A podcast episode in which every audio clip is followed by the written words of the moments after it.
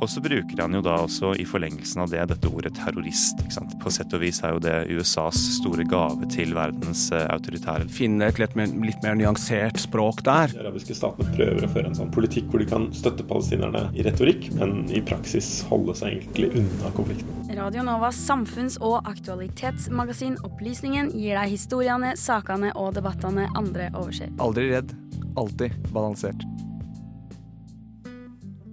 Ja, i forrige sak så fikk vi jo høre om eh, Palestina, og at de ikke har en offentlighetslov. Men eh, det har jo vi i Norge, Amalie. Ja, og den har jeg fått mye glede av. Eh, jeg har jo da søkt innsyn et par ganger. Det er veldig enkelt. Man går inn på einnsyn.no, lager seg en bruker, og så er det bare å søke i vei. Eh, og noe av det som jeg syns var utrolig kult da jeg skulle søke om innsyn, for jeg søkte innsyn i utrolig mange dokumenter. Så jeg fikk faktisk en e-post av han ene som jobba med det, som sa Vet du hva, du har søkt innsyn i så mye at jeg kan ikke sende det på e-post. Eh, hva er adressen din? Og så ga jeg en adressen min, og så fikk jeg en minnepinne Oi. med alle dokumentene på. Eh, og den minnepinnen var jo til odel og eie. Så jeg er kjempefornøyd. Er så bra, da. Ja, og, og jeg må bare si at det å søke innsyn, det er ikke bare for journalister. Alle kan gjøre det. Mm, ja. Det er viktig. Det er viktig å vite. Mm. Eh, nei, nå eh, skal vi eh, få høre en sak uh, av vår gode reporter Emma, eh, som har gjort litt research om eh, pressefriheten i Østerrike. Eh, og når man tenker på Østerrike, så tenker jo man egentlig at dette er jo et land som har ting på stell.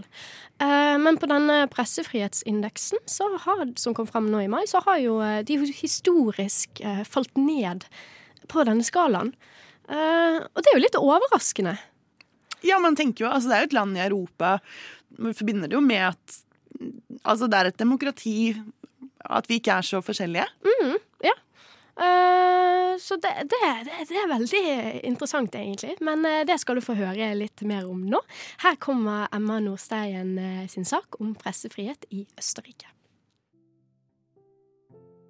Østerrike er et av verdens lykkeligste land. De er omringa av Alpene og nydelig natur, og landet er faktisk et av Europas mest populære turistmål. I tillegg er økonomien god, og befolkninga scorer høyt på verdens lykkeindeks. Østerrike er jo absolutt et fantastisk land å bo i. Men så skjedde noe spesielt da Reportere uten grenser la frem årets pressefrihetsindeks. Østerrike har plutselig gått fra 17.-plass til 31.-plass på indeksen. Dette er et historisk fall, og de har aldri vært så langt ned på skalaen. Angrepene på journalister under koronademonstrasjonene i Wien og korrupsjon er noen av grunnene til at Østerrike har droppa på pressefrihetsindeksen.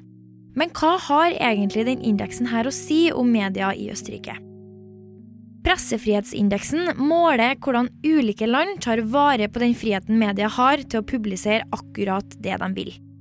Her ser de på politikk, korrupsjon, lovverk som omhandler pressefrihet, og generelt hverdagen til journalistene i landet.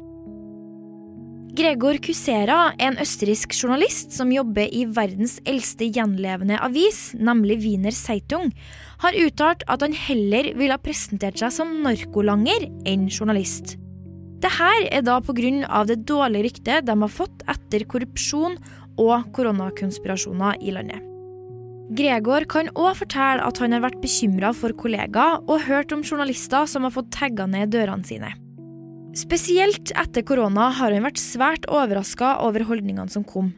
Det oppsto et voldsomt hat mot journalister, mot forskning og mot det medisinske profesjoner. Verena Mischitz, en ung kvinnelig videojournalist som jobber for Der Standard, en østerriksk avis, trekker frem spesielt tre grunner til hvorfor hun tror at Østerrike stuper på skalaen. Og det er koronademonstrasjonene i Wien, korrupsjon og mangel på innsyn og åpenhet. Hun var nemlig til stede på demonstrasjonene og forteller om voldsomme scener. Demonstranter ropa etter henne, de prøvde å ødelegge kameraet til hennes kollega, og de ble spytta etter. Hun kan fortelle at ansatte i hennes avis har gått på sikkerhetskurs og måtte ha med seg egne vektere på jobb. Berena har i senere tid sett at det hun har opplevd under demonstrasjonene, har hatt en effekt på hennes jobb som journalist. Hun har blitt mer forsiktig med hva hun skriver og sier, og hun tror at flere av hennes kollegaer kjenner seg igjen i det. I fjor høst måtte rikskansler Sebastian Kurz gå av etter anklager om korrupsjon. Han ble anklaga for å ha betalt for positiv omtale i tabloidpressen. Den østerrikske ambassadøren i Norge har uttalt at rikskanslerens avgang er et direkte resultat av en for nær kobling mellom politikken og mediebransjen. Og det her har igjen hatt en stor påvirkning på hvordan befolkninga ser på skillet mellom politikere og media. Og når dette skillet blir mindre, så mister òg journalistene den troverdigheten de skal ha til den vanlige mann i gata. Østerrike står òg som det eneste demokratiske europeiske landet uten en offentlighetslov. Denne loven gjør at journalister kan få innsyn i politiske dokumenter og avgjørelser.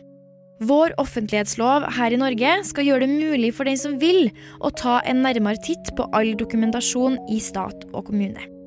Den østerrikske ambassadøren sier at korrupsjon i landet er derfor vanskelig å oppdage uten denne loven.